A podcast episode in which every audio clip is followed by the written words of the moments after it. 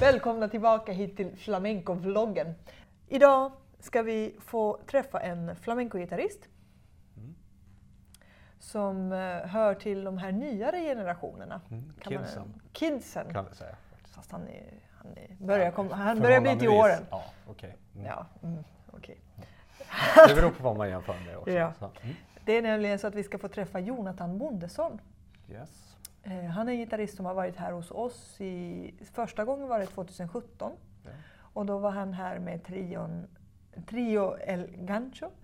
Mm. Mm, Musikhögskoleprojekt typ, eller band. ja, Så, precis, men de spelar fortfarande. Ja. Eh, och där är det ju både cello, blås och gitarr. Men han har bra, bra förutsättningar och är skitbra på alla sätt. Ja, och han håller på med, han har berättat för mig att han håller på med så här färg, eh, att, att olika ljus och i förhållande till toner och hur man kan göra gitarr, alltså musik, Oj då. konserter till en helhetsupplevelse på olika sätt. Oj då. Oj då. och, och sådär, så det är lite häftigt. Men vad, vad ska vi ställa för frågor till honom? Ja, men jag har en, en grund. Jag har, jag har det jag vill veta. Ja, Helt plötsligt kom det bara en helt färdigbakad, klar flamenco-gitarrist från ingenstans. Ur mitt perspektiv. Det vill jag veta. Hur gick det till? Var kom han ifrån? Hur Ja. kunde han kunna allt direkt utan, utan ansträngning på något vis? ja jag antar kanske att det har hänt någon form av Ja, ansträngning men som, som jag eh, ser det så Ja. Det att det, gick fort i alla jag tror fall. att det kallas för Göteborg. Ja. Fast det är ju inte så. Ja, Alltså, talang, det går ju inte. talang och Göteborg. Talang kanske. och Göteborg. Mm. Ja, ska vi ta hit honom. Ja, vi gör det. Bra. Välkommen Jonathan Bondesson. Welcome.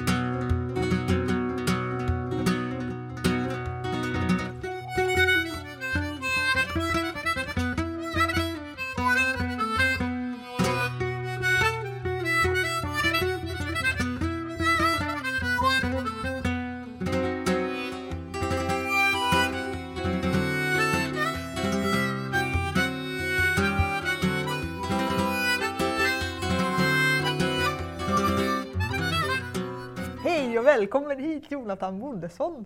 Hur kommer det sig att från ingenstans så dök det upp en färdigbakad flamenco-gitarrist med tvärkoll eh, på allt som både spelar bra och liksom har koll på eh, allt som händer i flamencovärlden? Ja, men, min första tanke är ju den här imposter syndrome. Att man känner sig som en fake. Eh, så här, utifrån mitt perspektiv så så här, ah, jag har ingen koll på någonting. Men jag kan förstå att andra säger bara oj, det kommer en färdigbakad gitarrist. Men eh, eh, det är lite kul för jag satt och tänkte själv så på hur, hur börjar jag faktiskt med det här?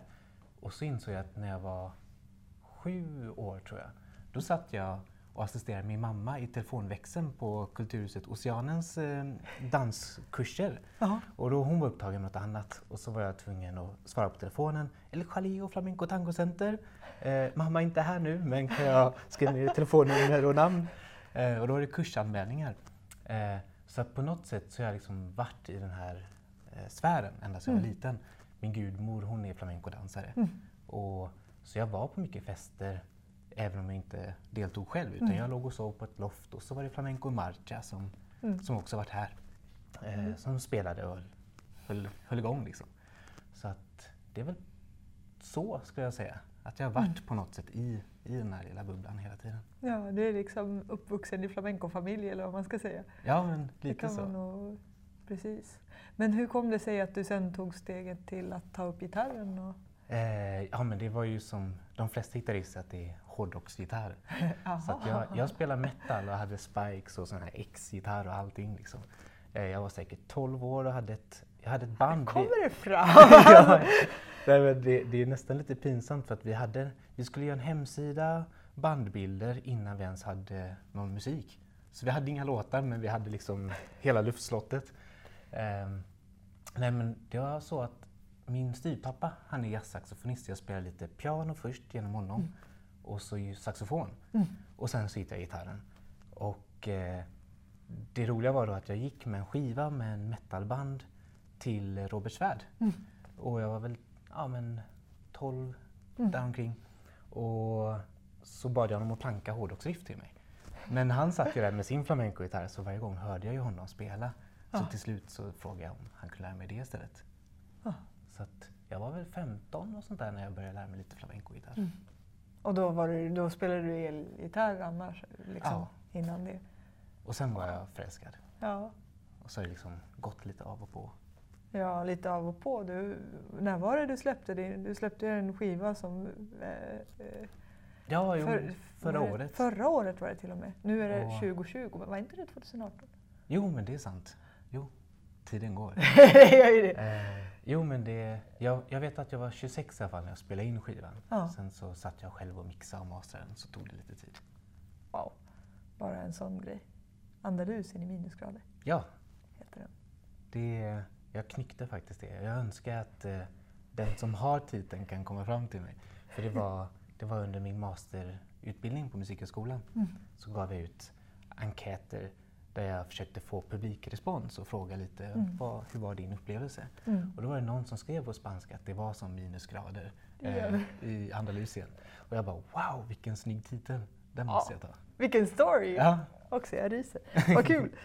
Eh, alltså det är ju helt eh, fantastiskt. Jag vet inte om det handlar om det geografiska avståndet. Nu är det ju inte så himla långa avstånd mellan Stockholm och Göteborg. Men, men kan det vara därför som det, det liksom... För när var det du flyttade hit till Stockholm? Det var, eh, jag var 21 så, och nu är jag 28 så det var sju år sedan. ja. Så du har ju ändå hållit på här och du har både läst en liksom, kandidat på Musikhögskolan Mm. och sen nu på senare för ett år Ah, nu, det är två år sedan. det är två år sedan det det också. Igen, som du eh, avslutade dina masterstudier. ja. Och då var det först, liksom, vad jag förstått, flamencogitarr Mm. eh, som du hade som huvudämne. Och sen tog du det också vidare till att eh, i din masterprojekt att involvera film. ja, ja, det är jättekul. Ja, och det är ju någonting som jag vet ju att eh, du har berättat lite grann om olika sätt som du har jobbat med färg och eh, ljus och musik. Eh, skulle du kunna berätta?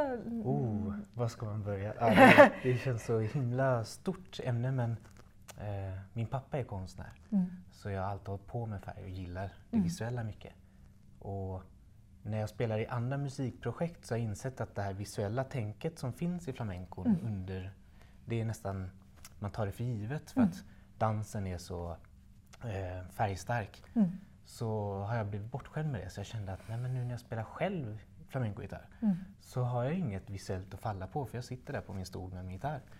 Så då började jag tänka att hur kan jag göra någonting större än, än lite mer en helhetsupplevelse? Ja. Och då började jag komma in på film och, och så började jag liksom försöka filma med olika färgteman och så jobba med sceniskt ljus som skulle försöka matcha den känslan jag ville få fram. Mm. Och det var jättespännande. Vad häftigt. Tänker du då som till exempel det här med flamencons olika palos, de kan ju ibland kopplas till känslor.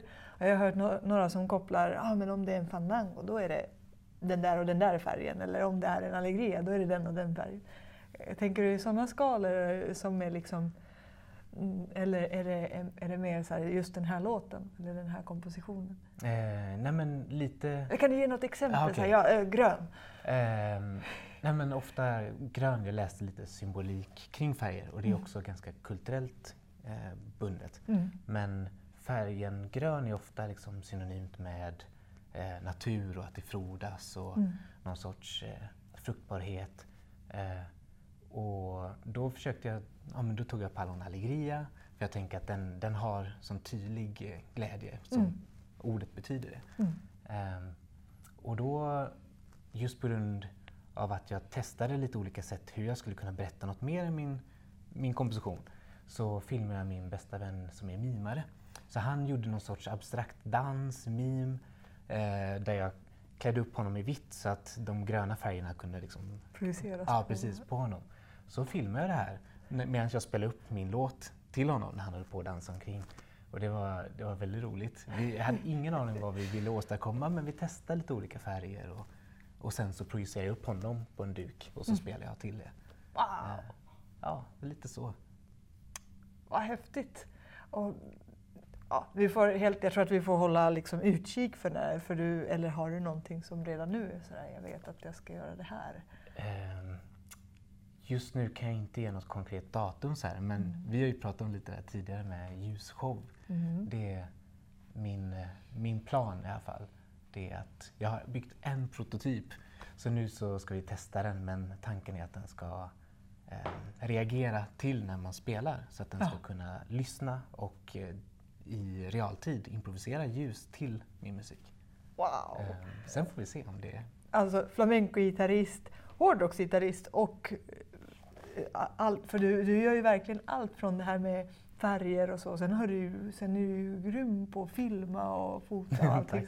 Eh, Men vad har du för tips? För jag vet att du också, förutom att göra alla de här häftiga sakerna, så undervisar du också. Och då vet jag att det finns ett gäng med folk som är intresserade och vill köra och känner, ja, vad är ditt eh, liksom, bästa tips till Mm. Just om man vill lära sig flamenco-gitarr?